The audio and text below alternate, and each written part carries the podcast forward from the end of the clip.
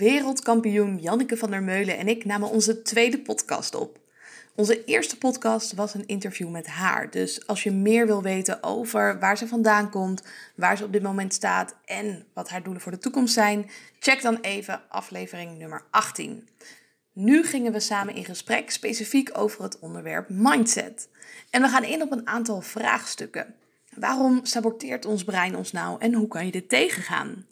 Wat onderscheidt succesvolle mensen van niet of minder succesvolle mensen? En hoe kan jij bij die 1% horen die succes heeft op alle fronten van je leven? Ook gaan we in op waarom jezelf op één zetten het meest sociale is wat je kan doen. En in welke gevallen het helemaal niet zo lief is om je hulp aan te bieden. En nog belangrijker, wat dan de eerste stappen zijn in je persoonlijke ontwikkeling, terwijl er zoveel informatie is en zoveel aanbod. En in deze podcast geven we je heel veel handvatten om zelf aan de slag te gaan, maar leggen we je ook uit hoe je een goede coach kan vinden. En aan het eind van de podcast vertel ik meer over een bijzondere winactie, dus blijf zeker luisteren. Maar uh, wel tijd om over mindset te praten. Ja, vorige keer hebben we natuurlijk over jou gepraat, over uh, wie jij bent en wat je doet. Nu kijken we een jaar verder en uh, als we kijken naar de wereld, dan spraken we natuurlijk aan de telefoon met elkaar. Ze zeiden, nou, het, het gaat niet best met de mindset. Nee, wat is dat toch? Kijk, ik zeg altijd: succes is je gedrag in lijn houden met wat je echt zelf wil. En we doen eigenlijk vandaag de dag niets anders dan wat we eigenlijk niet echt zelf willen. dat is natuurlijk ergens wel logisch. Want toen we ongeveer 2 miljoen jaar geleden van de tekentafel kwamen, waren we een prooidier. Er werd op ons gejaagd. Dus te veel angst en de hele tijd kijken naar wat niet goed gaat. En de hele tijd doen eigenlijk wat de groep van je verlangt, was toen heel functioneel. dus ons brein is geprogrammeerd als een groepsdier, als een prooidier waarop gejaagd wordt. Maar vandaag de dag is datzelfde, diezelfde programmering, ja, die is heel erg destructief. Het is vandaag de dag juist heel erg gezond op jezelf op één te zetten en constant je eigen verlangens te bevredigen, zodat je kunt geven vanuit overvloed. Dus ergens is het niet gek dat wij, hè, want er is gewoon een gigantische mismatch eigenlijk tussen ons ontwerp en de wereld waar we nu in leven. Dus ergens is het niet gek dat het slecht met onze mindset gaat. Ja, en de wereld is ook steeds meer ingericht om het ons heel makkelijk te maken om in die oude mindset mee te gaan. Hè? De beloningen worden steeds meer voor de hand liggend. Denk aan uh, voedsel, social media, andere vormen van afleiding. Ja, ja, en het is, dus niet, het is dus ergens niet gek dat we massaal de verkeerde kant op lopen. Uh, denk ook aan ons schoolsysteem. Daar wordt eigenlijk al je intrinsieke motivatie er op dag 1 al uitgeramd. We, al je talenten, je moet gewoon X, Y, Z doen. Dat verwachten we van ja.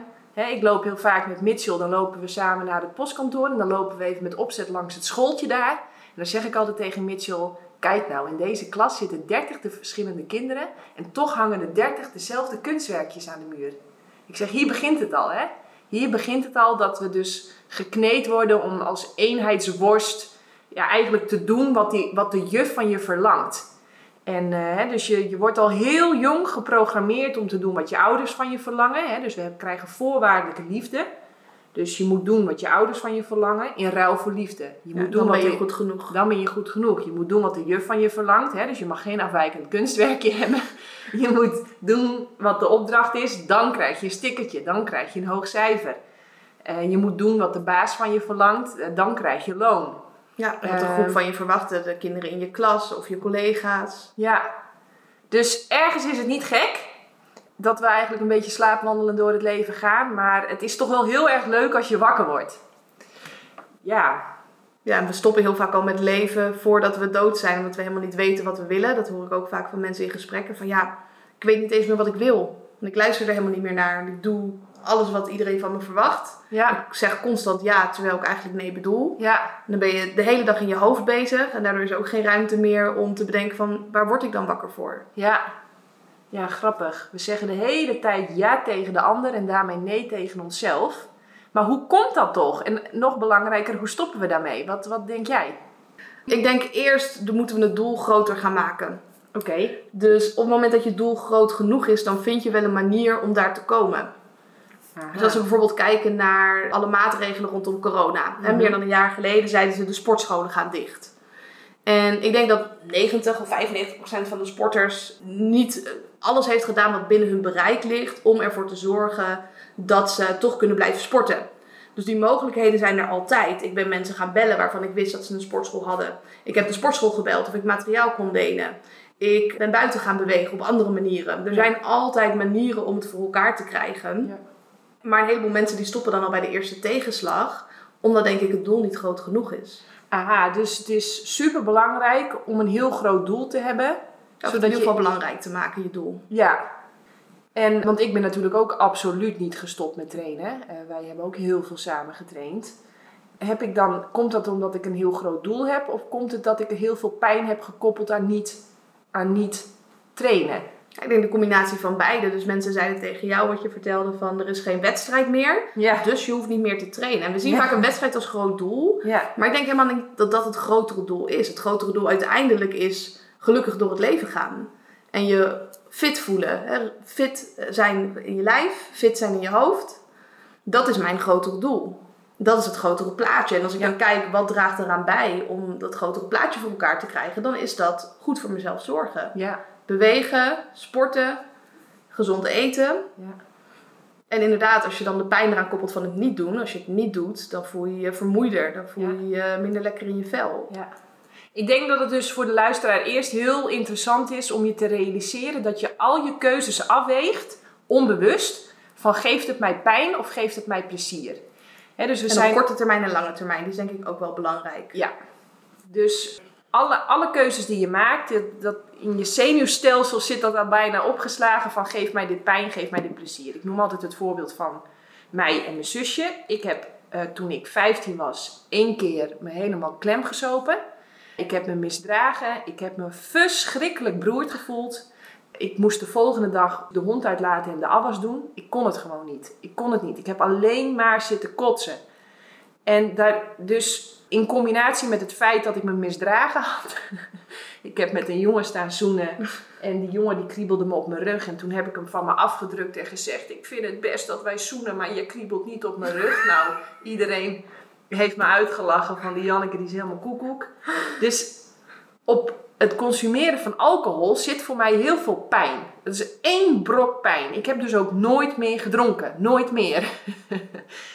Eh, maar voor iemand die bijvoorbeeld heel verlegen is, kan diezelfde alcohol ervoor zorgen dat, dat, dat de rem er een beetje afgaat. Dat hij eindelijk eens iets minder zelfbewust is. En dat hij dus ontspant, contact maakt met anderen. En dan ineens, die persoon die koppelt dus heel veel plezier aan de consumptie van alcohol. Dus we hebben dezelfde situatie. Maar hoe jij dat opslaat bij jezelf, creëert dus heel ander gedrag. Ja, maar ook wat mooi is dat zodra jij waarschijnlijk aan alcohol denkt, of als ik nu zou vragen, Janneke, zullen we een wijntje drinken bij de podcast? Je hoeft er niet eens over na te denken. En je brein is dat al zo gewired dat je in één keer zegt nee. Absoluut niet, nooit. En dat is dus, maken we direct even praktisch, als je dus bij jezelf gedrag hebt waarvan je van tevoren al weet dat je achteraf spijt hebt. Hè? Dus je bent, je, je, je, je, je staat in de spagaat tussen wel, niet, wel, niet, wel, niet. Dan is het dus handig om die pijn die je aan bepaalde dingen koppelt veel groter te maken. Ja, of het plezier van het niet doen om dat groter te maken. Ja, maar Die pijn, pijn werkt werkt vaak wel beter op de korte termijn, hè? Pijn werkt beter. Dus eh, ik heb natuurlijk, hè, ik eh, coach heel veel mensen. En sommige mensen die willen stoppen met kaas, maar dat lukt niet. Met koffie drinken, wat we in je workshop hebben gedaan. Of met koffie drinken. En wat gaan we dan doen? Dan gaan we zeg maar de, de gevaren van koffie drinken en kaas eten, die gaan we heel erg vergroten. Maar ook het feit dat kaas, dat dat heel veel push bevat. En heel veel zout bevat. En heel veel slechte vetten bevat. Hè? Dus we gaan bewust die pijn heel erg groot maken. Dat maakt het dan heel veel makkelijker om met dingen te stoppen die je eigenlijk niet wil. Dus dat is het, denk ik. Stapje nummer 1. Maak die pijn wat groter om de dingen te doen waarvan Ja. je weet dat je het eigenlijk zou moeten doen of zou moeten laten. Nou, ik denk dat stap 1 is dat je moet realiseren dat je al je keuzes afweegt. aan geef mij dit pijn of Ja. geef mij dit plezier. En dat je een keuze hebt, is denk ik ook wel heel belangrijk. Vaak zien we niet eens dat we een keuze hebben. Dan denken we, ja, dit, dit overkomt mij. Ik kan hier niks aan doen. Ik ben maar eenmaal zo. We identificeren hetgene wat we doen met wie we zijn. Ja. Dus ik denk dat de eerste stap is om die distinctie te maken. Ja. Ik ben niet wat ik doe en ik kan in elk moment kan ik kiezen wie ik wil zijn. Ja. Wil ik een sporter zijn nu? Wil ik goed voor mezelf zorgen? Of wil ik anderen op één zetten? Dat als we die keuze al zien, dat dat al de eerste stap is om daar bewust van te worden. Het herkennen, ook het erkennen. Niet dat afstraffen dat je denkt, oh ik heb weer niet voor mezelf gekozen, wat ben ik een sukkel, wat ben ik dom. Dus ga dat ook erkennen en dan gaat die verandering eigenlijk vanzelf. Ja. Dus op een gegeven moment kunnen we scheiden wie we zijn en wat we doen. En dan kunnen we hetgene wat we doen, kunnen we gaan veranderen door te kijken, geeft het ons plezier of geeft het ons pijn? Absoluut. Dus de eerste, eigenlijk begint het dus allemaal met bewustwording, met observeren. Ja, Observeren van waar heb ik me allemaal mee geïdentificeerd. Dus eh, hele belangrijke woorden om te observeren zijn wanneer je zegt ik ben of ik heb of mijn. Ja.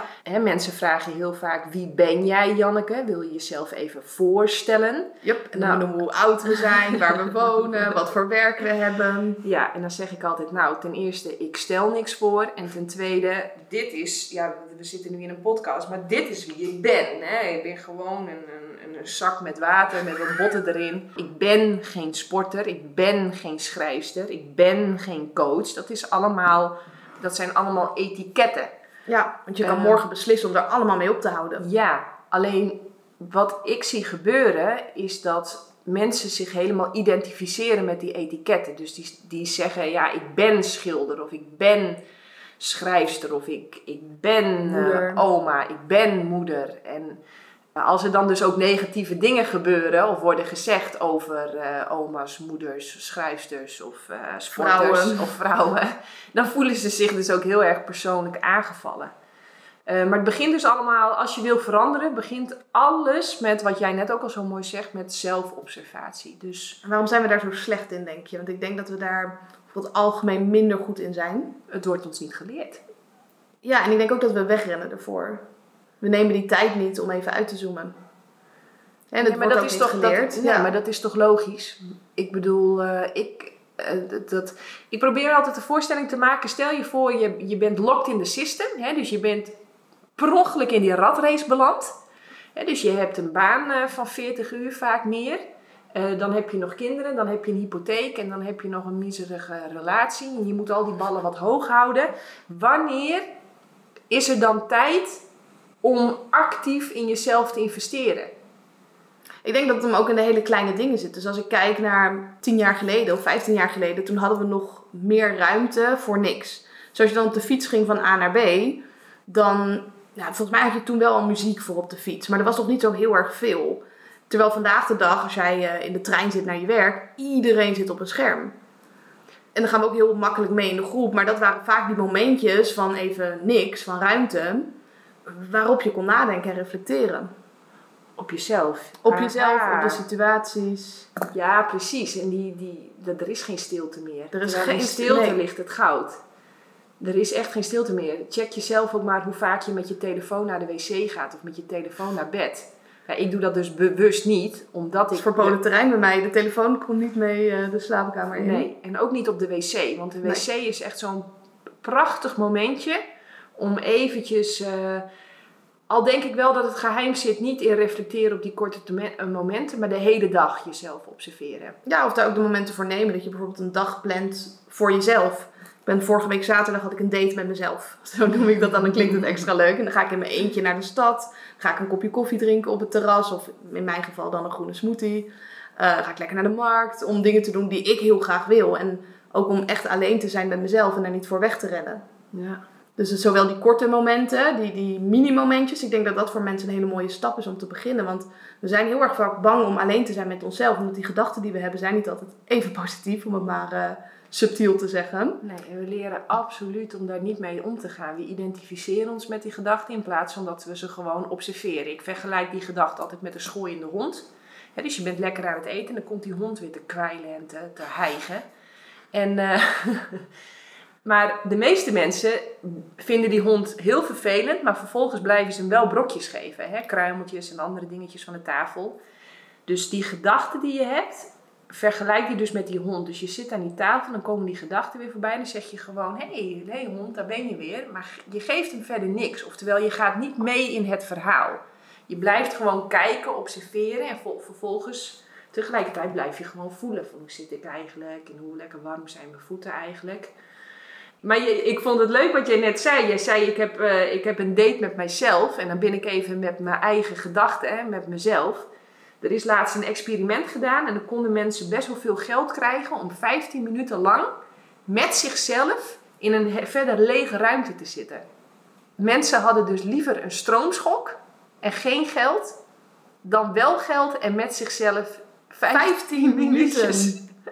Kan je nagaan. We Ja. doen er alles voor om weg te rennen van die eigen Ja. gedachten. Hele dag eh, junkfood voor het brein noem ik dat. Telefoon, televisie, Ook andere mensen. radio, andere mensen, ja. Maar waarom, waarom, jij zegt ik heb een date met mezelf. Waarom? Omdat ik weet dat het belangrijk is om tijd met jezelf door te brengen. Waarom? Wat brengt dat jou? Nou, in het begin onrust, want dan komen ineens al die gedachten. Dat is bijna hetzelfde als dat jij gewicht wil gaan verliezen, dat je eerst even op de weegschaal staat om te zien, hé, wat is nou eigenlijk de staat? Maar vanaf daar kan je ook dealen met die gedachten. Dus in het begin, als ik zo'n date heb met mezelf, dan denk ik, oh, ik ga eh, die bellen. En denk ik, nee, ik heb een lege agenda. Je hebt altijd de neiging om vol te plannen, tenminste ik. En dan merk ik die onrust eerst. En uiteindelijk, na een uur of na twee uur, dan komt er een rust. En dan ga ik ook allemaal dingen doen die ik heel erg leuk vind. En dan heb ik ook een hele positieve ervaring na zo'n dag, waardoor ik het nog een keer ga doen. Dus ik zei dat ik lekker naar de stad ben gegaan. Daarna ben ik het huis gaan schoonmaken. à la Marie Kondo ben ik mijn hele kledingkast gaan opruimen. En dan heb ik echt een fantastische dag gehad. Super productief. eh, maar ook hè, enerzijds in dingen doen, maar ook anderzijds in juist ontspannen. Dus ik kijk ook heel erg naar wat het me oplevert. En dat is energie in mijn lijf, rust in mijn hoofd. Maar op de korte termijn, zodra ik ermee begin met zo'n dag, is het echt nog niet comfortabel. En ik denk dat we daar al heel vaak stoppen. Dus een van de dingen die ik nu ook doe, is dat ik eh, ijsbaden geef. En ik deed dit vorige week en toen was er één iemand, stapte in het ijsbad en die stapte er meteen weer uit. Omdat het gevoel super oncomfortabel was voor haar. Maar voor iedereen is het gevoel oncomfortabel. Het ijsbad is voor iedereen even koud. Waarschijnlijk als jij een date hebt met jezelf, is het eerste half uur voor iedereen eh ervan uitgaande dat je dit nooit doet, net zo oncomfortabel. We hebben allemaal dan gedachten in ons hoofd. En dat is het punt, als het oncomfortabel is, dat we moeten gaan doorzetten, waarbij het uiteindelijk fijner gaat worden. Dus in dat ijsbad was op een gegeven moment ook iemand in de groep, en ik vond het geweldig, die begon echt keihard te lachen. Omdat ze het, er kwamen allemaal hormonen vrij in dat ijsbad, waardoor ze zich heel lekker voelde. Of op het moment dat je alleen bent met jezelf, dat die rust ineens over je heen komt. Dat je denkt, oh, dit is echt heerlijk en fantastisch, maar daar moet je even doorheen.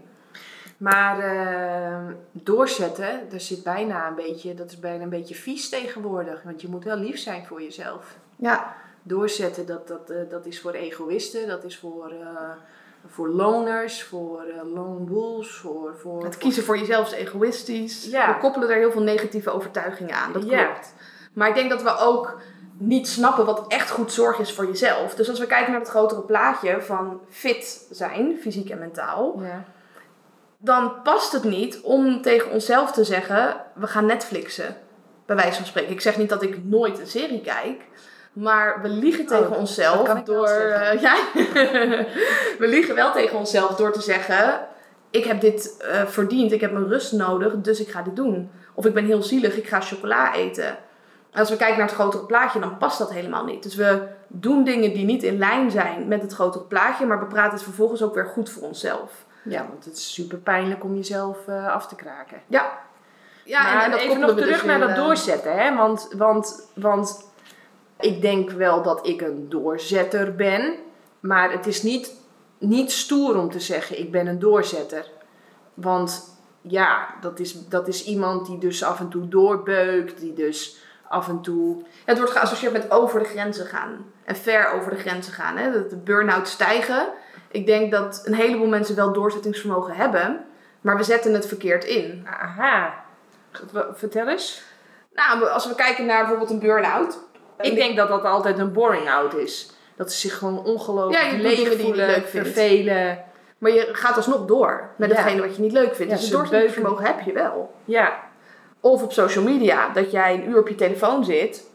Ook al voel je waarschijnlijk van, ik ben mijn tijd aan het voldoen, toch zet je het door. ja dus we hebben het, we hebben We het dus- hebben het wel. Ja, we hebben heel veel doorzetting. Dat zie ik ook hoor. Dat zie ik non-stop. We worden de hele tijd afgeschilderd als lui, lui, dat we lui zijn. Maar ik zie dat heel, best wel veel mensen ook echt, ik bedoel, hoeveel mensen ik ook coach die bij mij komen, die echt serieus bezig zijn om af te vallen, om meer te sporten. Maar ze willen de zon zien opkomen, maar ze lopen naar het westen. Ja, dan kun je de beste schoenen hebben, de beste coach. het allerbeste schema. Als je naar het westen gaat lopen, ga je de zon nooit op zien komen. Nee, en waar je Dus- op focust, groeit ook. Dus als je jezelf de hele tijd vertelt: ik ben lui, ik kan het niet, ik ben moe. Terwijl het niet 100% klopt. Misschien klopt het voor 90%. Maar ga enerzijds omvormen wat er niet klopt. Dus als je zegt: ik ben lui, vertel jezelf dat je niet lui bent. En dan niet per se niet lui, maar zeg dat je actief bent. Maar kijk ook naar de momenten dat je al actief bent. En dat je wel die discipline, discipline hebt en dat doorzettingsvermogen. Ja, maar nog even één stapje terug. Stel je voor, wij hebben wel doorzettingsvermogen. Ik zie gewoon dat, het, dat we dat massaal inzetten op de verkeerde dingen. Dus dat het niet een gebrek aan doorzettingsvermogen is, maar een gebrek aan kennis. En focus. Oké, focus. Ja, we, we gebruiken ons doorzettingsvermogen bijvoorbeeld voor werk. Dus we zijn nu een jaar verder. De eerste maatregelen kwamen in maart. Ja. Nou, wat hebben we nu gezien? Managers waren heel bang dat we niet hard genoeg zouden werken. En dat we op kantoor moeten komen om gecontroleerd te worden en dat we dan ons best doen. Ja, Als we nu kijken naar de feiten, ja. blijkt eigenlijk dat mensen te hard werken. Te lang doorgaan. Dus die discipline gebruiken we om harder door te gaan in plaats van om rust te nemen en echt goed voor onszelf te gaan zorgen. Wat is echt goed voor jezelf zorgen? Wat zijn jouw key success factors?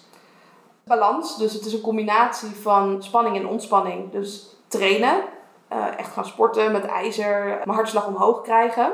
Maar ook bewegen, denk aan wandelen of fietsen. Eh, maar anderzijds ook ontspanning, helemaal niks doen. Eh, meditatie, ademhalingsoefeningen, gezond eten, op tijd slapen. Maar ook een structuur hebben, zodat ik niet na hoef te denken. Dat geeft mij ook heel veel rust in mijn hoofd. Ja. Dus op de, het, het is heel saai. Er wordt wel eens gezegd van... eh, ik had Ja. laatst een podcast met iemand die zei... Oh, waarom doe je aan zelfkastijding? Ja. Nou, omdat ik weet dat als ik mezelf op korte termijn zogenaamd pijn doe... Bij mij doet het geen pijn. Maar op de lange termijn levert het me veel meer op. Dus Ja. Ik ga om en nabij op dezelfde tijd slapen. Ik sta op dezelfde tijd op. Ik eet op dezelfde tijden. Want als ik over die dingen niet meer na hoef te denken... Ja, ja, ja. kan ik nadenken over de dingen die echt belangrijk zijn. Want dan kosten die dingen mij geen headspace. Ja, dat is zo fascinerend. Dat voor de meeste mensen klinkt het als saai, streng, strikt. Maar zelf opgelegde regels, zelf opgelegde restricties. Er is niks wat gelukkiger maakt. We zien het ook constant in psychologisch onderzoek terug. Ja. Dat zelf opgelegde regels, hè, die boundaries, die kaders. ja, als we meer dan drie we- keuzes hebben... dan worden we er meestal niet gelukkiger van. Ja, dus je moet, je moet die... Je moet, je moet, of je moet, je moet helemaal niks, maar... je Als je meer rust wil in je hoofd en energie in je lijf, is dit een heel goed idee om te gaan doen. is het dus heel handig om regels voor jezelf te maken. Maar Ja. dat vinden mensen die denken dat dat heel beklemmend is. Ik, dat- ik heb weet je, coach veel andere- mensen en Ja. die, die, die willen dan met mate alcohol drinken. Nou jongen, het, het recept, ze zeggen wel eens 99% is de, is de road to hell. 100% is de weg naar heaven. Oftewel, 100%, het, het geeft ook duidelijkheid. Gewoon nooit meer dierlijke producten eten, nooit meer alcohol. En je hebt gewoon rust in je hoofd, want het is hartstikke helder. Maar de meeste mensen vinden dat spannend. Wat ook logisch is, want ja, je gaat er als enige links terwijl de massa rechts gaat. Dus, Precies, je moet het je, vooral die weerstand van anderen die dan komt. dus je rol als pionier moet je wel kunnen omarmen. Ja, Dus je moet wel een bepaalde hoeveelheid zelfvertrouwen hebben. Maar stel je voor je komt op dat punt, dan is dat zo bevrijdend dat je vond niet zo krachtig. en ja, en dat je niet de hele tijd de discussies met dat ego hebt. Wel niet, wel niet, wel niet, wel niet. Oh man, als je ergens helemaal gek van wordt. Ik ben zo blij dat, dat nou ja, goed. Nou, ook als je dat gaat ownen, vind ik geweldig. Als ik dan in de ochtend naar buiten loop en ik stap mijn ijsbadje in of ik ga buiten zwemmen. Ik weet dat mensen gaan kijken en ik weet dat ze er wat van vinden, positief of negatief. Maar ik voel me zo krachtig, omdat je kiest om af te wijken van de groep. Maar hoe kom je op dat punt? Want ik denk dat heel veel mensen... Ik werd laatst gebeld door een, door een scout. Die wilde van mij een eh, reality... eh, ik, god man, Programma? programma hebben, zeg maar. Een soort van. eh, ja, ik ken al die mensen niet, sorry. Ik zit niet op YouTube. dus ik weet allemaal niet hoe dat heet. Maar goed, er zijn dus, er zijn dus mannelijke vloggers in Nederland.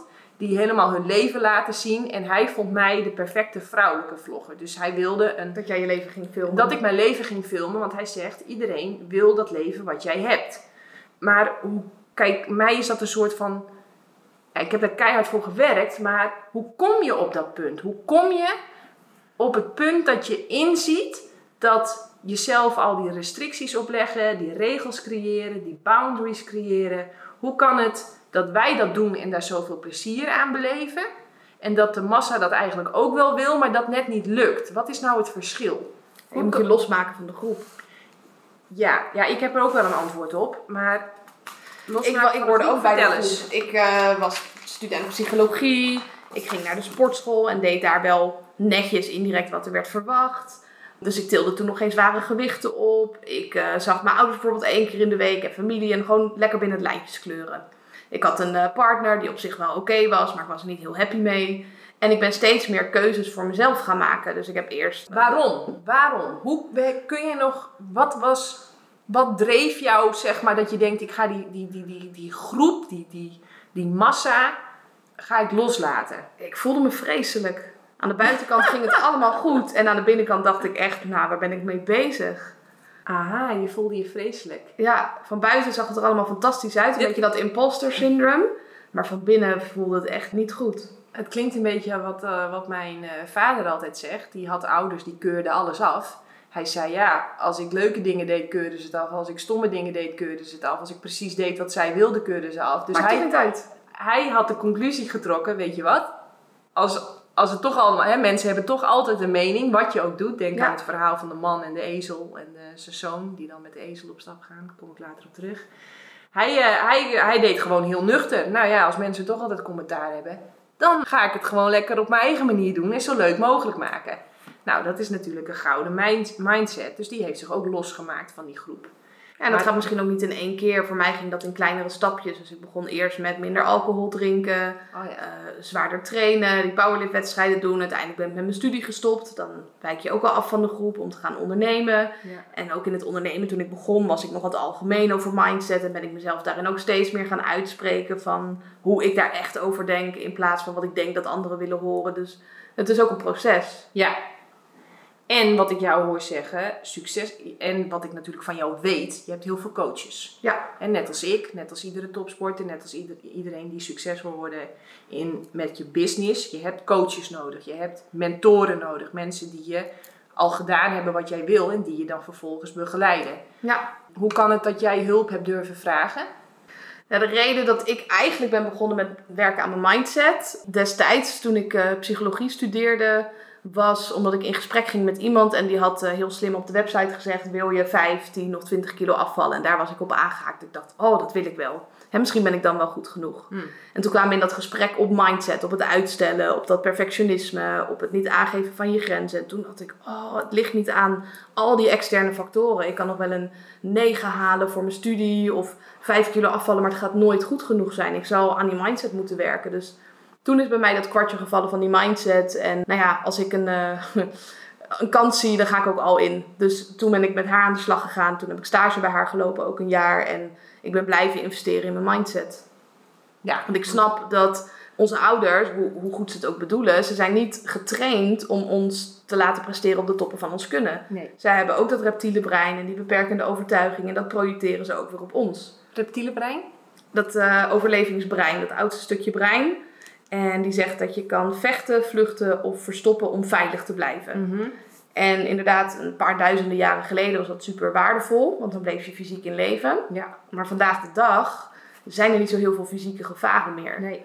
Maar onze ouders voeden ons nog wel op alsof er heel veel gevaren zijn van de grote boze wereld. Dus we worden door onze ouders al opgevoed met een angstige mindset. Om gevaar te spotten en dat ten alle tijde te vermijden. Ja. In plaats van een afweging te maken tussen potentiële winst en potentieel verlies. Ja, En dan te kiezen voor iets wat logisch is. Terwijl we heel vaak kiezen vanuit die angst van... oh, we hebben bijvoorbeeld 10% kans om te winnen en 1% kans om te verliezen. We doen het niet. En dat reptiele brein, vertel nog eens meer. Want ik, ik denk dat, dat, nou ja, ik weet hoe het werkt. Ja, Ik weet dat, dat wat ik heb geleerd, check mij eventjes, want eh, jij hebt psychologie gestudeerd.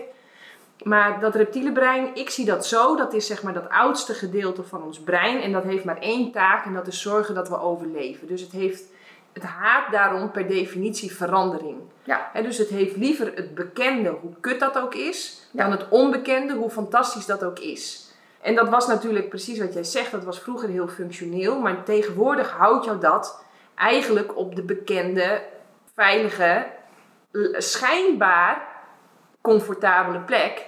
Ja, en daarom Maar- zie je ook mensen zo vaak terugvallen of überhaupt niet in actie komen. hè. Mensen die bijvoorbeeld tientallen kilo's afvallen en toch de kilo's weer aankomen. Omdat hun identiteit niet is veranderd. Die was comfortabel. Ik ben nou eenmaal iemand die te dik is. Ik ben nou eenmaal iemand die lui is.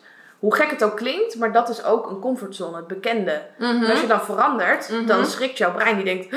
Huh, ik kijk in de spiegel en ik vertel mezelf dat ik lui en dik ben. En nu zie ik iemand die slank en fit is. Dat klopt niet. En dan ga je onbewust jezelf saboteren om weer terug te komen bij wie je was. En dat Ja. zie je bijvoorbeeld ook bij de mensen die jij noemde in het voorbeeld eerder. Die dan hè, een baan hebben die ze niet leuk vinden. Een partner hebben waar ze niet zo happy van worden. En toch niet ervoor kiezen om weg te gaan. Ja, Terwijl rationeel weten ze, ik kan prima ergens anders aan het werk. En als ik deze partner loslaat, dan komt er wel weer een nieuwe. Ja. Maar dat reptiele brein zegt, nee, je gaat nooit meer een andere baan vinden. Je gaat nooit meer een andere partner vinden. Als je hier weggaat, het gaat helemaal mis. Ja, het is, ik vind het fascinerend dat die stem in je hoofd, we leren daar niks over, terwijl hij bepaalt alles. Ja. Dus als jij die stem in je hoofd niet beheerst, dan beheerst hij jou. En dan zal hij dus constant kiezen voor gedrag wat een paar miljoen jaar geleden optimaal was, maar wat nu dus heel destructief is. Ik vertelde over die scout die mij ongeveer honderd keer heeft gebeld. Ik wou zeggen, want dit vertelde je vorig jaar ook wel dat ze je wilde gaan filmen. Jij zei, nou, kom maar met een voorstel en eh, ik zie het wel. Ja, ja. Ik vind het ook wel mooi hoe jij daar dus op reageerde. Helemaal niet vanuit je ego. Ik denk dat sommige mensen denken, wow, ze willen me filmen, ze willen me vloggen, zoveel bereik. Eh, waarom is dat anders bij jou?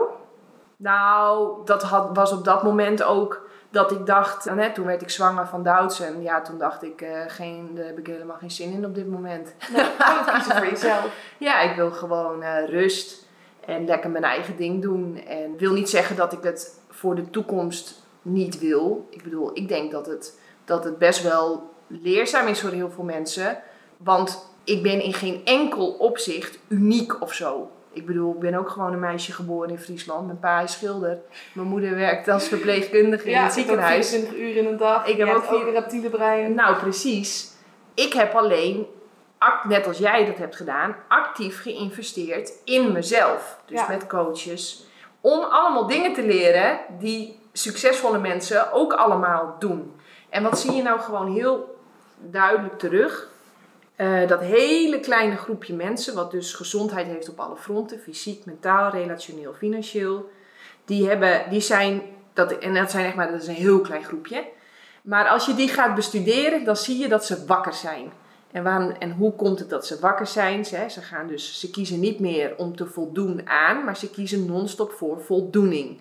Dus ze weten wat ze verlangen, ze weten wat hun valkuilen zijn. En ook dat grotere plaatje wat ze voor ogen hebben. Dus je benoemt heel mooi eh, op alle vlakken dat je aan het winnen bent. En niet Ja. alleen op het vlak van sporten. En niet alleen op het vlak van geld. En niet alleen op het vlak van relaties. Maar je kan het echt allemaal hebben. Ja, je kunt niet alles hebben, maar je kunt wel op vier fronten gezondheid, richting gezondheid bewegen. Precies.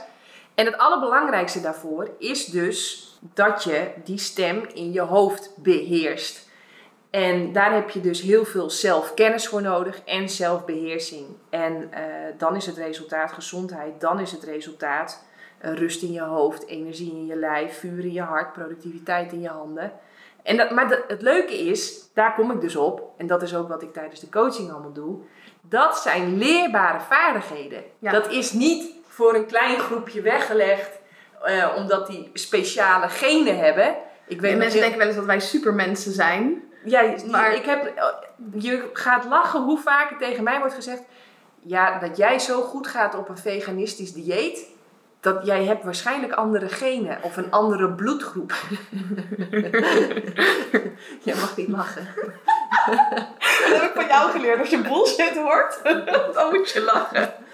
Maar dat, en, en, maar dat alles is niet waar. Dat zijn allemaal gewoon leerbare vaardigheden. Want dat, er is niks unieks aan ons. Je, maar je, we trainen keihard en consequent. Dat vind ik ook zo leuk. Dat zeg jij ook iedere keer. Een groot verschil tussen het hebben van tussen haakjes succes, oftewel gewoon een leuk leven hebben, wakker zijn, niet slaapwandelen. Ja, je eigen eh, doelen behalen. ja, precies. Niet slaapwandelend eigenlijk doen wat je baas van je verlangt. Of wat je ouders van je verlangen. Of wat, eh, nou ja, goed, dat soort dingen.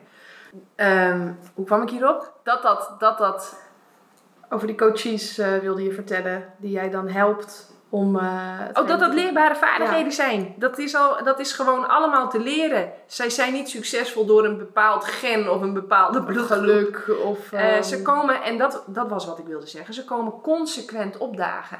Ja. Consequent komen opdagen. En dan komen we ook weer op dat doorzettingsvermogen. Dus doorzettingsvermogen is toch op een bepaalde manier wel belangrijk. Ja, ook al heb je geen zin om wel op te komen dagen. Dan Ja. maar zonder zin doen. En ook dat verhaal aan de kant zetten van dat je motivatie nodig hebt Ja. om iets te doen. Ja, succesvolle mensen die onderscheiden zich echt op, hè, over motivatie gesproken. Wat doet de massa? De massa wacht tot het juiste moment op motivatie om dan pas te beginnen. Wat zien we terug bij succesvolle mensen? Die weten dat dat perfecte moment er nooit zal zijn. Dus wat doen die? Die gaan eerst trainen, eerst de groene smoothie maken, om dan vervolgens tijdens de eerste halen of de eerste happen erachter te komen van hé, hey, dit is eigenlijk best wel lekker. Ja. Dit is eigenlijk best wel leuk. Dan draai je hem eigenlijk om naar eerst actie en dan pas de motivatie. Precies. De meeste, hè, de massa die denkt ik moet wachten op motivatie, dan pas kom ik in actie. Wat weet dat hele piepkleine groepje wakkere mensen die weten nee, eerst actie, dan komt de motivatie vanzelf. Ja, en dat begint al denk ik ook met het onderscheiden van je gedachtes en, en wie je bent. Dat je denkt, oh ja, ik heb inderdaad geen zin. Ik zet het aan de kant. Ik Ja. identificeer me daar niet mee. En ik besluit dat ik het gewoon ga doen. Ja, want dat reptiele brein, dat is wel lui. Dat is zeker lui. Die wil jou laten overleven. En hoe Ja. overleef je? Door Vet. voedsel tot je te nemen. Van, zodat je zoveel mogelijk vet aanmaakt en zo min mogelijk energie hoeft te verbruiken. Ja. En Ja. ik denk dat we dat ook wat minder serieus allemaal hoeven te nemen. Dus we identificeren ons aan de ene kant ermee. En ik heb ook dat reptiele brein. En die komt dan wel eens met excuses. En dan denk ik, Lachen. nou weer mee? Ja. Ik was eh, op 6 januari was ik jarig. En ik stap elke ochtend dus in het ijsbad. En toen kwam een reptiele brein met het argument. Ja, vandaag ben je jarig. Nu hoef je niet in dat ijsbad. Toen zei ik, nou, weet je wat, ik doe een minuutje langer. Ik ben jarig, ik verdien het. Ja. Oh, dat vind, vind ik zo leuk. We zijn nu met de Olympische Spelen bezig. En vijf jaar geleden werd Maaike Het werd Olympisch kampioen. En ik heb heel veel met haar getraind. En zij zei ook altijd, dat zal ik nooit meer vergeten. ehm, hè, want 15 jaar geleden zijn we samen begonnen met roeien. En maar zij was al heel erg, ehm, zij had al op heel hoog niveau geschaatst. En zij zei altijd, Janneke, als dat reptiele brein komt en zegt, au, au, dit doet pijn. Misschien moet je wat rustiger aandoen. Ze zegt, als die komt, dan moet het gas erop. Dan moet het tempo omhoog en dan moet je juist veel meer gaan geven. Ja, dat heb ik echt driedubbel dik in mijn oren geknoopt. En dat werkt inderdaad heel goed. Precies wat jij zei. Ja, en als Dus, ook eh, kijken naar dat reptiele brein. eh, Ik, ik hoor de luisteraar nu misschien denken: oh, maar ik moet toch niet over mijn grenzen gaan? Fysiek kunnen we vaak veel meer aan dan we denken. En mentaal kunnen we eigenlijk minder aan dan we denken. Dus de reptiele brein die zegt: oh, help, paniek. Bij fysieke dingen. Maar bij mentale rust zegt hij: oh, doe maar niet. We gaan eh, prikkels opzoeken. Dus inderdaad, in de, in de boot of in de sportschool of eh, als het überhaupt gaat om in beweging komen, doe het wel. Als je reptiele brein zegt, doe het niet. Maar andersom, bij rust nemen, dat mag je veel meer doen en veel minder prikkels tot je nemen. Wat grappig. Wat mooi dat je dat zegt. Want eh, dat doet mij denken aan de vliegangstcursus. Dus we zijn heel erg streng over gedrag en mild tegen onze gevoelens. Terwijl je moet eigenlijk precies andersom doen. Dus heel veel mensen met vliegangst, eh, die, ja, die, die gaan dus niet vliegen. En die vinden het dan vervolgens, eh, gaan ze al dat, dat emotionele gebrabbel, eh, eng en eh, gevaar. En dat gaan ze goed praten voor zichzelf. Wat leer je nou op die cursus? Op die cursus leer je mild zijn over je gevoelens. Dus je mag het prima eng vinden. Je mag het prima spannend vinden. Je mag het prima sensaties in je lijf ervaren die, die, die, die, die, die, die laten zien dat je zenuwachtig bent. Dat is allemaal prima. Maar je bent vervolgens wel streng voor je gedrag. Je gaat gewoon dat vliegtuig in. Ja, je tolereert geen bullshit in je acties. Nee, ik bedoel, als je als topsporter iedere keer mee zou gaan met dat, met dat reptiele brein, dan zou je nooit meer aan de start liggen. Er zouden geen Olympische Spelen meer zijn, denk ik. Want Nee. elke sporter daar heeft spanning. Ja, maar die denkt ook, oh, was dit maar voorbij? Die scheidt in zijn broek. Die denkt, dit is eng. Ik ga heel veel pijn doen. Ik bedoel, al die sporten, kijk naar roeien, kijk naar fietsen. Dat doet gewoon fysiek ontzettend veel pijn. Maar als je daar, als je daar mild voor bent, dat je mag die pijn ervaren. en Je mag het spannend vinden. eh, dan gaat er echt een wereld voor je open. Dus eh, de massa is eh, streng op gedrag. Ik mag me niet een sukkel voelen. Ik mag me niet... hè, dan ben ik dom, altijd dan ben ik slap. En als ik me niet goed voel, dan ga ik me daar ook nog eens over frustreren. Dan voel ik me Ja. nog slechter. Ja, ongelooflijk. Ja, ze mogen onszelf ook toestaan om die pijn te ervaren. En Ja. ik vind het ook zo mooi. Dat van, kun je makkelijk dan in ieder dragen. geval voor de pijn die jij wil ervaren. In plaats van dat het leven het voor jou kiest. Ja. Ik kies er liever voor om om zes uur op te staan. Ja. Dan dat het leven voor mij uiteindelijk kiest dat ik ongelukkig ben. En dat Ja. ik die pijn moet gaan dragen. Ja, dus alles kan, alles heeft een prijs. Kies zelf welke prijs je het liefste betaalt. Nou, dan, kies ik, eh, dan betaal ik heel graag de prijs voor het feit dat mijn wekkertje vanochtend weer om vijf uur ging. Ja, en dat zie je dus ook bij succesvolle mensen. Dat ze in actie komen en bereid zijn ook om die pijn te dragen. En Ja. dat klinkt heel groot, maar dat is al de pijn van het ongemak. Een heleboel Ja. mensen die hebben niet het lef om de acties te doen die ervoor nodig zijn. Dus we willen ons niet ongemakkelijk voelen. Dus bijvoorbeeld, eh, ik coach onder andere ondernemers en die willen dan zichtbaar worden. En daarvoor gaan ze dan video's opnemen voor Instagram. Ja, Vinden ze het te spannend? om te publiceren. Want dan worden ze gezien. Ja, Dan, eh, dan kan je kop er eraf. bij wijze van spreken wel. Ja. En ik denk dat de mensen die succesvol zijn, die vinden het ook spannend. De eerste keer dat ik ging vloggen voor Instagram, vond ik het onwijs spannend. En mensen vonden daar ook wat van. Ja, En dat was bij mij ook allemaal oké om dat te ervaren. Om die Ja. spanning te ervaren, om die negatieve reacties te ervaren. ja. En daardoor word je uiteindelijk veel succesvoller, omdat je bereid bent om dat te dragen en dat lef toont. ja. Hè, dus eh, even samengevat wat jij nu zegt. Eh, alles kan, alles heeft een prijs. Loop je voorop in de kudde, dan vang je wind. Ja, Krijg je de mening van anderen over je heen. Maar loop je achteraan, dan loop je in de stront van je voorgangers. en als die Eh. purpose groot genoeg is, mijn purpose was super groot, dan boeit het ook niet wat die andere mensen vinden. Want mijn Nou ja, maar het wil niet zeggen dat het jou niet raakt. Ik Absoluut bedoel, niet. Ik Nee. wil natuurlijk ook het liefst dat de hele wereld morgen veganistisch gaat eten. En dat alles wat Janneke zegt en schrijft, dat daar applaus voor komt. aangenomen. Dat daar applaus voor komt. Nou, ik kan je één ding vertellen, dat gebeurt niet. Nee, en dat, dat raakt je misschien ook wel, maar dat houdt je niet tegen. Nee. Je denkt dan niet, oh, dat volgende boek, laat dat maar zitten. Ja, nee. En wat doen nou heel veel mensen? Die passen dan hun mening of hun strategie aan. Of dan- hun gedrag. of hun gedrag aan. Die houden Ja. zichzelf klein. Ja, zonde. Dus zonde. maak, die, maak je doel ook groot genoeg. Maak je purpose sterk. Want ik sta elke dag op met het idee van ik ga de wereld een beetje, achter, een beetje beter achterlaten dan hoe ik hier gekomen ben. En als je die purpose hebt, en welke purpose dan ook, maar dan kan je bijna niet anders dan in actie komen. Want dan is de pijn veel groter van stilzitten en jezelf klein houden. Dat zou mij nu het meeste pijn doen. Ja, ja, ja. Dat doet iedereen pijn hoor. Ja, Wa- Er zijn zo... maar als je er eenmaal aan hebt geroken hoe het is, Ja, dan moet kan je niet meer terug. Je moet bloed proeven. Ik weet nog wel goed, toen ik een eetstoornis had, dat is me altijd wel bijgebleven. Toen hadden heel veel meiden hadden moeite met aankomen en ik ook. En toen zei een van de therapeuten, nou weet je wat, ga het gewoon doen. Je kan altijd nog terug. Hè? Want je weet wat je moet doen om weer terug te komen. En het is niet om je een slecht gevoel te geven, maar probeer het nou eens.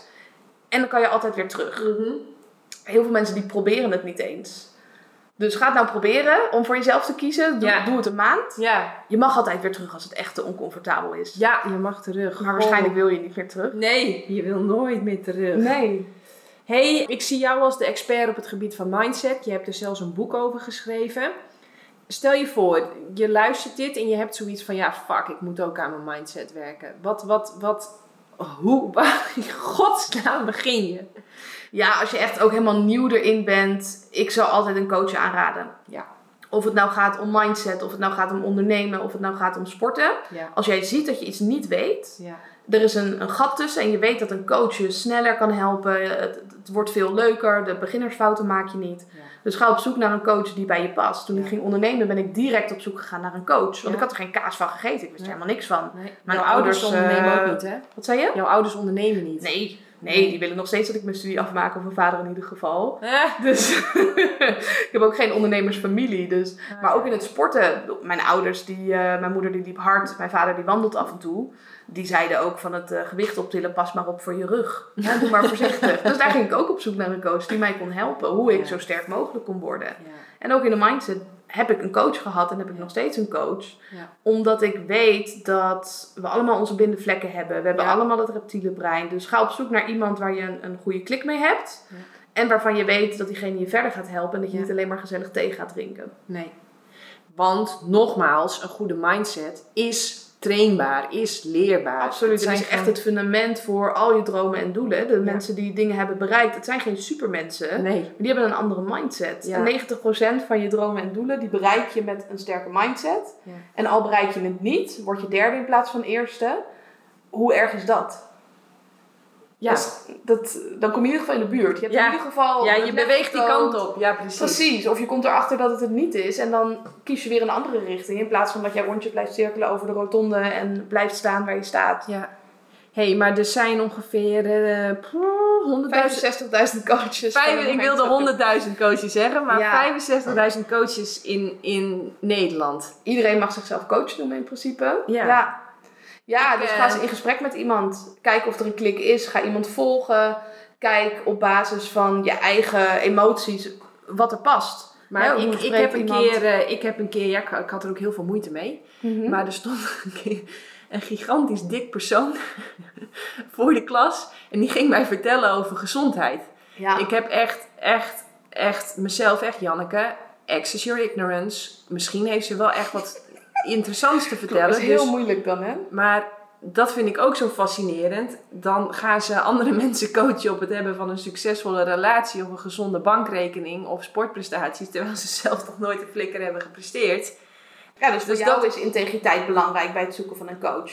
Dus Nou ja, ik wil wel als ik, eh, als ik eh, wil leren over investeren of business, ja, dan wil ik wel les krijgen van iemand die daar zelf ook nogal lekker op gaat. Ja, dus bedenk nou van tevoren wat jij belangrijke eigenschappen vindt van een coach. Dus misschien Ja. is dat integriteit. Misschien is dat die coach brutaal eerlijk naar jou is. Misschien is dat, nou ja, eh, het kan van alles zijn wat jij belangrijk vindt bij de coach. Dat hij heel erg betrokken is bijvoorbeeld. Ja. Waar mensen bij mij op aanhaken is ook de integriteit dat ik ook dingen doe. Dat ik zelf ook krachtig ben. Ook mijn manier van spreken waarop ze aanhaken. Ja. De, de woorden die je gebruikt, de ene is iets spiritueler. En is daarin ook op zoek naar een coach die andere formuleringen gebruikt. Dan mensen die wat meer no-nonsense zijn. ja. Wat denk je waarom jij zo'n goede coach bent? Waarom mensen zoveel resultaat hebben met jouw methode? Omdat ik niet meega in dat reptiele brein. Dus Ja. ik kan heel goed zien bij mensen wanneer er bullshit is. Wanneer Ja. iemand niet krachtig komt opdagen vanuit die oudere versie van zichzelf. Ja, vertel daar eens iets over. Want jij hebt het altijd over zwak komen opdagen en krachtig komen opdagen. En dan gebruik jij volgens mij mij heel vaak als voorbeeld. Dan zeg je, nou, Janneke kon niet eerst goud pakken en dan pas krachtig komen opdagen. Nee. Ze moest eerst besluiten. Ja, ga even bij het begin beginnen. Want je hebt krachtig komen opdagen en zwak komen opdagen. Ja, we hebben allemaal een identiteit. En we koppelen vaak wat we doen aan wie we zijn. Maar we kunnen besluiten wie we willen zijn. Ja, dus, dus- je besluit. Ik zeg altijd, wie wil je zijn? Hoe Exact. wil je voelen? Hoe ga je gedragen? Dat is niet iets wat je overkomt. Dat is iets wat je kiest. Ja, dus ik kies ervoor om sportief te zijn. En omdat ik daarvoor kies, Ja. als ik een keuze heb om bijvoorbeeld de roltrap te nemen of de trap, dan kies ik voor de trap. Want Ja. ik heb besloten dat ik iemand ben die sportief is. Oké, ja. Alleen als jij natuurlijk niet kiest en je gaat het leven door alsof je op de automatische piloot zit, dan is het ook heel moeilijk om te besluiten hoe je wil komen opdagen. Dus het begint al met het besluiten hoe je wil komen opdagen. Ja.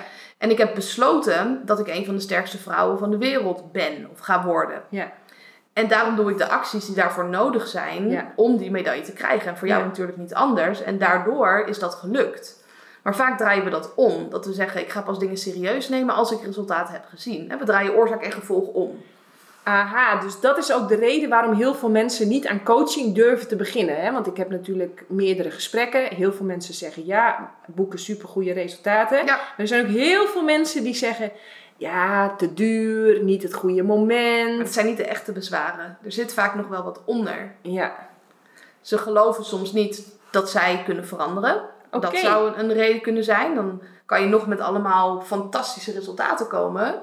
Maar als zij niet geloven dat zij kunnen veranderen, of dat zij die resultaten ook kunnen behalen, dan ehm, ga je niet aan de slag met een coach. Dan zit je nog in die fase van: nou, ik heb wel een probleem, maar ik geloof niet dat ik er wat aan kan doen en ik geloof ook niet dat ik kan veranderen. Hm. Is al een stapje verder dan de fase: ik heb geen probleem. ja. Die ontkenningsfase, dat is ook een fase. Maar je Ja. zou uiteindelijk moeten komen naar de fase van nieuwsgierigheid. Van hé, ik heb een probleem en ik geloof wel dat ik er wat aan kan doen. ja. Maar ik weet nog niet zo goed hoe en ik kan daar wel hulp bij gebruiken. Ja, hey, even nog terug hè, naar hoe wil je komen opdagen. Want het is super cruciaal. Morgen gaan mensen, mensen gaan deze podcast luisteren en dan komt er weer een moment dat ze wakker worden. Hè, dat, ze, dat ze hebben geslapen, dat ze de dag aan gaan Ja, je vallen. hebt je resetknop gehad. Je je- ja. ja. hoe wil je die dag komen opdagen? Hoe wil je dat die Ja. dag gaat zijn? En dan jij heb je het altijd over krachtig en zwak. Ja, dus als jij... Wat is een krachtige versie? Dat je bijvoorbeeld besluit dat jij eh, goed gaat zorgen voor jezelf die dag. Ja, Dat is een, een krachtig besluit. Je zet jezelf die dag op één. ja. ik zwak- besluit, vandaag is het een Janneke show. Ik zet mezelf Exact. op één. Ik zet mezelf op één. Ik ga de wekker zetten. Ik ga dan ook direct uit bed. Ik ga lekker buiten zwemmen. Ik ga sporten. En ik ga goed voor mezelf zorgen. Ik ga Ja. productief zijn. Ik ga me niet laten afleiden door die telefoon. Ja.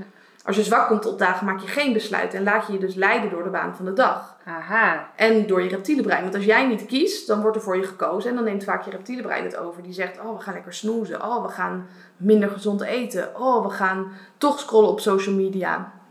Ja, en dan komt het punt dat, want de meest, iedereen die ons belt, die coaching wil, die heeft wel in de gaten van er moet wat gebeuren. Ja, Want als ze zo doormodderen, dan eh, zijn, is er eh, gezondheid naar de kloten, relatie naar de kloten, kunnen precies. Dus ze komen vaak zwak opdagen, maar ze weten ook dat die krachtigere versie erin zit. Oké, Dus ze hebben wel dat geloof dat het anders is. Want als je niet gelooft dat het anders kan, ja, ga je daar ook niet naar kijken. Hè? Als ik zou zeggen, Janneke, de lucht is groen. Dan ga jij niet in discussie met mij, denk ik. Dan denk je, nou, dat is een hopeloos geval. Als hij dat gelooft, in jouw optiek is de lucht blauw, dan gaan we geen gesprek met elkaar aan. nee. Dat zijn dan onze overtuigingen. Maar Ja. je hebt een bepaalde overtuiging, maar toch twijfel je aan de eh, kloppendheid van die overtuiging. Ja. En dat ik, is goed. ik vind het wel altijd heel erg knap hoor, als mensen eh, ja zeggen tegen coaching. Ik vind het en- heel knap. Ja. En gewoon keihard, je, want je moet wel met de billen bloot. En onze hele maatschappij is er wel een beetje op ingesteld van als je je been breekt, dan mag je wel naar de dokter. Maar als je wil werken aan je mindset, dan hangt daar toch wat overheen al van, eh, oh dus je bent zwak, oh dus je bent in de war, dus je, oh dus je Ja, bent het zal wel slecht met je gaan. Dus het zal wel slecht met je gaan. Dus je hebt problemen, je bent een probleemgeval. Ja, je wat bent gaan anderen ervan vinden? Ook als bent- jij dan kiest om dat te gaan doen, hoe ga je dat aan anderen Ja. vertellen? Je bent een beetje een wappie dus. Ja. Dat, eh, dat, je, dat je dus een coach nodig hebt. Terwijl in de topsportwereld Het is zo, ja, het is super logisch. is, heb je op meerdere fronten meerdere coaches. Ja, voor Ja. de mindset, voor de sport, voor de fysio, voor, Voor je techniek, bijvoorbeeld eh, voor je techniek, voor je, voor, je, voor je conditie, voor alle kleine dingetjes om je blessures te voorkomen. Oftewel, dat hebt- identificeren we wat minder met onszelf dan de mindset. En ik denk als we die distinctie beter kunnen maken, van we zijn niet onze gedachtes. We hebben gewoon een coach die onze gedachtes helpt te trainen. ja. Dan we het wat minder beladen. Maken het veel te beladen allemaal. Zonde. Ik weet niet waar dat fout gaat. Want het is, het is die stem in je hoofd die bepaalt alles, maar we trainen hem nooit. Nee, dat is denk ik ook omdat er niet over wordt gesproken. Waar we niet over praten wordt veel groter en dan schamen we ons daar ook nog eens voor. ja. Dat we niet zo krachtig zijn of dat we die resultaten niet behalen. Vervolgens gaan we erover liegen tegen onszelf. Maar praat er nou eens over. Ja. Net zoals dat wij dat nu doen. Of als je dat gesprek hebt in je hoofd, bel iemand op. Het kan een coach zijn, maar het kan ook een vriendin zijn. Van hé, hey, ik heb een eh, gesprek met mezelf. Ik kom uit werk en ik had me voorgenomen om naar de sportschool te gaan. En nou ja, die stemmetjes in mijn hoofd zeggen: blijf maar thuis, ik ben te moe. Ik wil eh, op de bank zitten en Netflixen. En ga daar eens gewoon over praten. Je hoeft er niet eens een keuze in te maken. Maar door er al open over Ja. te zijn, hou je die hele lading eraf. Ja. Waardoor je ook niet daarna gaat liegen tegen jezelf van... Oh, maar ik heb het wel echt nodig. Ja. Ja. En wees ook wel kritisch in wie je dan belt. Niet iemand die met je mee gaat praten van... Oh ja, je, bent, je Ja. het ook wel heel zwaar. Maar gewoon iemand die de verhalen aanhoort. Ja. En zegt, Ja, hey, dat mooi. heb ik ook. Ik zeg altijd, eh, als dingen donker zijn, schijn het licht erop. Hè, over spirituele taal gesproken. Mhm. Zet het in het licht. Joh, dat is al vaak de helft van het werk.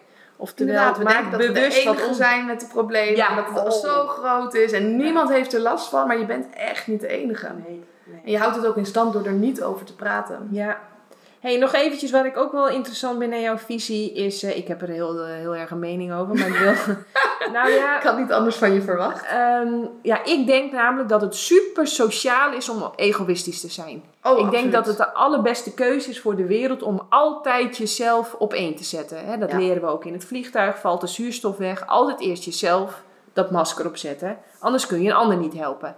Maar op een of andere manier, zodra we dat vliegtuig uitstappen en wij zetten onszelf dan op één, dan is dat ineens asociaal en egoïstisch.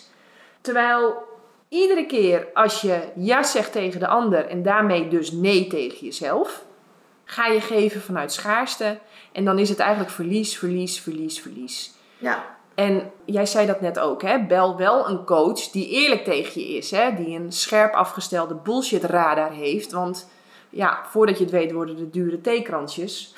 en wil jij daar nog eens iets over zeggen? Want Over dat kiezen voor jezelf. hoe dat het zo ongelooflijk is, bela- belangrijk is om te kiezen voor jezelf. Ja, ik, ik zweer erbij. Als je non-stop kiest voor jezelf, op een gegeven moment heb je gezondheid op alle fronten. Ja, je kan ook veel meer geven als je overvloed hebt. Ik zeg altijd, er Ja. zijn drie levels van leven. Precies. Je hebt het level van Overleven. overleven. Dan is je mindset een onvoldoende. Heb je te weinig energie, te weinig rust in je hoofd. Ja, En je zegt ja tegen alles en iedereen.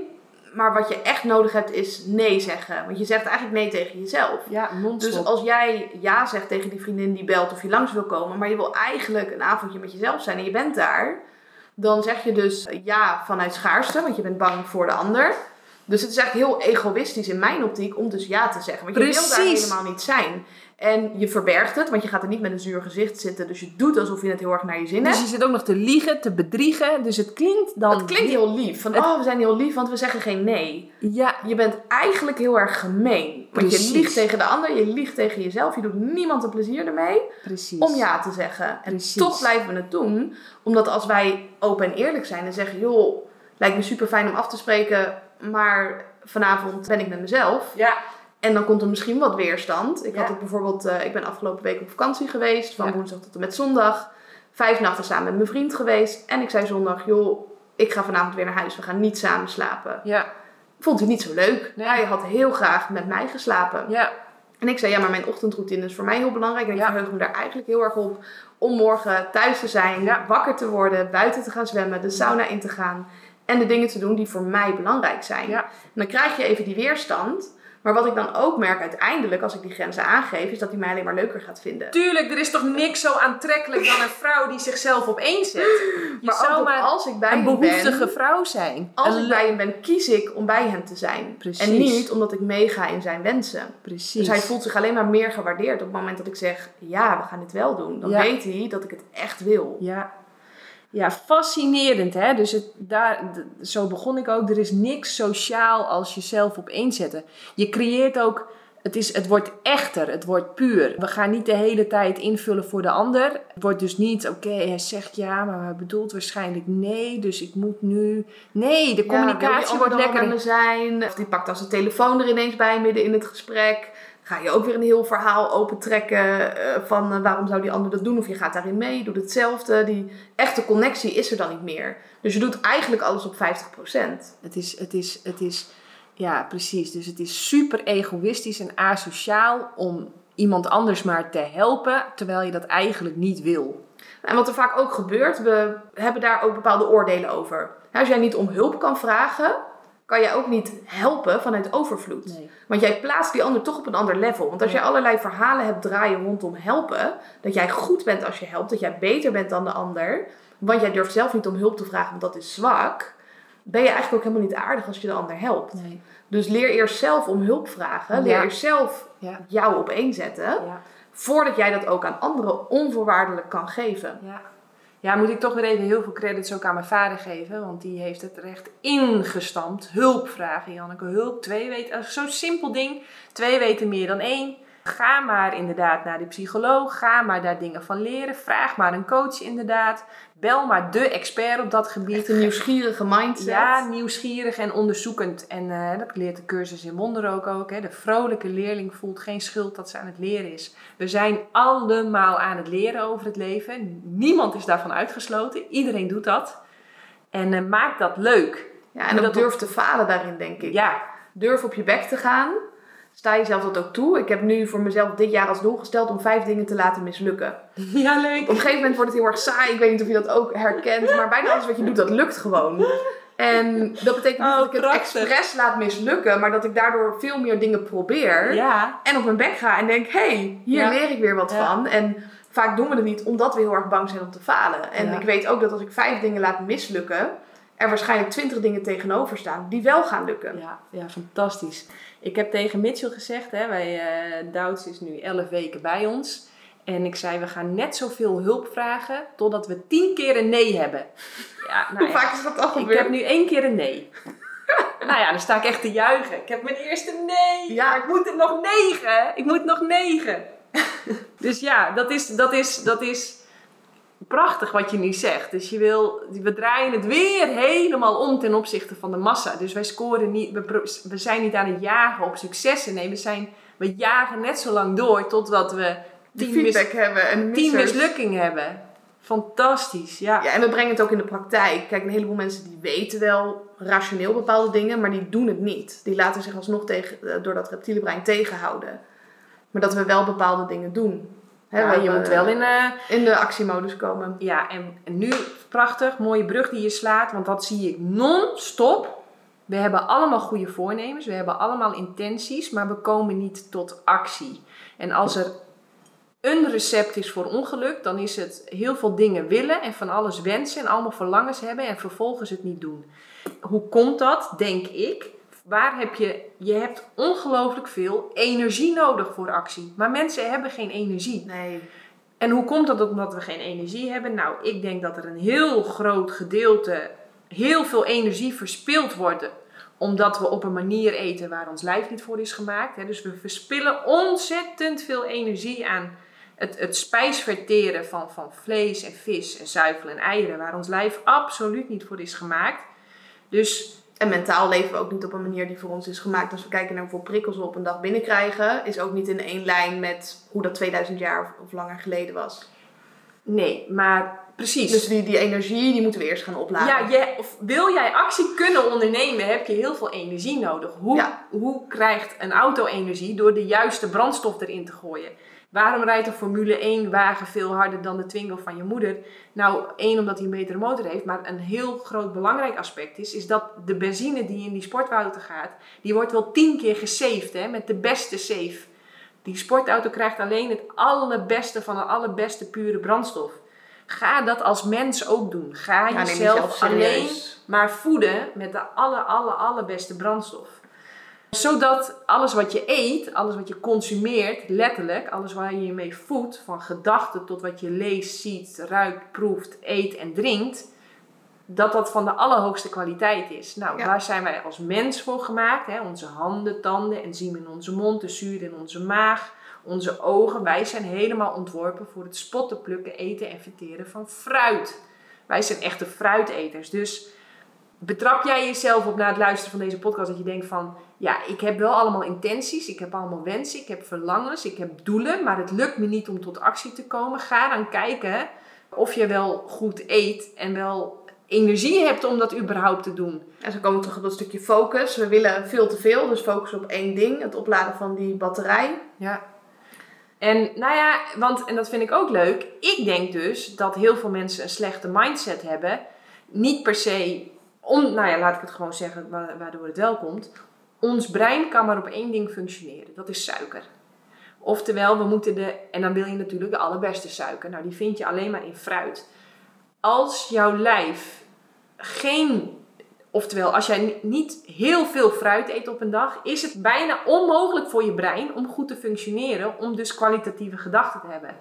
En de kwaliteit van je gedachten bepaalt de kwaliteit van je keuzes, bepaalt de kwaliteit van je leven. Dus ga die, die wil jij hard kunnen rijden met die, met, die, met die sportwagen van je, moet er wel de allerbeste brandstof in. Ja, je hebt ook minder weerstand als ik eh, goed voor mezelf zorg, ook met voeding. Als ik fruit eet eh, voor het ontbijt bijvoorbeeld, dan heb ik meer zin om te bewegen.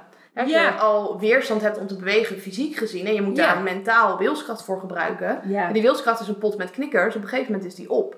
Dus je wil zo min mogelijk wilskracht moeten gebruiken om goed voor jezelf te zorgen. Ja, dus faciliteer jezelf met het juiste dieet. Eh, daar ga ik natuurlijk in mijn boeken uitgebreid op in. Want wat je wil is energie. Ja, Wat je wil is energie. Energie is zoveel belangrijker dan talent of vermogen of, of wat dan ook. Ik bedoel, dat zie je ook heel vaak in businessland. Die mensen zijn niet bijzonder intelligent of hebben niet een bijzonder geniaal idee. Maar ze hebben wel heel veel energie om daar consequent aan te werken. Met als gevolg dat ze een hartstikke mooi leven hebben. Lachen in hun knuisje. En eh super veel succes hebben op allemaal fronten. Ja. Energie, energie. Ik, ja, ja, dus ik denk dat het antwoord tweezijdig is. Aan de ene kant hè, fysiek je energie opladen. nou, jij zegt eigenlijk... En maak- ook mentaal opladen. Nou, ik zeg eigenlijk zorg dat je goed opgelaad wordt. Ja. Jij zegt eigenlijk zorg dat je niet leeg loopt. Ja, allebei. En we vinden mentaal en fysiek dat vaak moeilijker. Dat we zeggen van, nou ja, we willen eerst dus dat resultaat behalen en dan gaan we beter voor onszelf zorgen. We willen eerst het resultaat zien. We vinden het heel moeilijk om dus eh, op te laden. Dus maak dat opladen echt een prioriteit. Want Ja. daardoor kan je al met een 10-0 voorsprong starten. Ja, ja, fantastisch. Fantastisch. Zijn we nog wat vergeten over mindset? Ik eh, denk dat we nog uren door kunnen gaan, maar ik denk dat de mensen gewoon aan de slag moeten. Dankjewel. Wat tof dat je tot het einde hebt geluisterd naar deze podcast.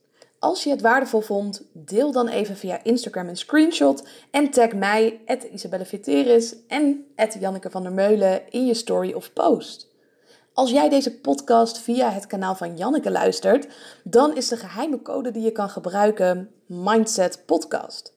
Bestel je haar boek via haar website jannekevandermeulen.nl, namelijk de eiwitleugen, en vermeld je het codewoord erbij, dan krijg je mijn boek als bonus. Een win-win, zoals dat zou zeggen. Tot de volgende aflevering.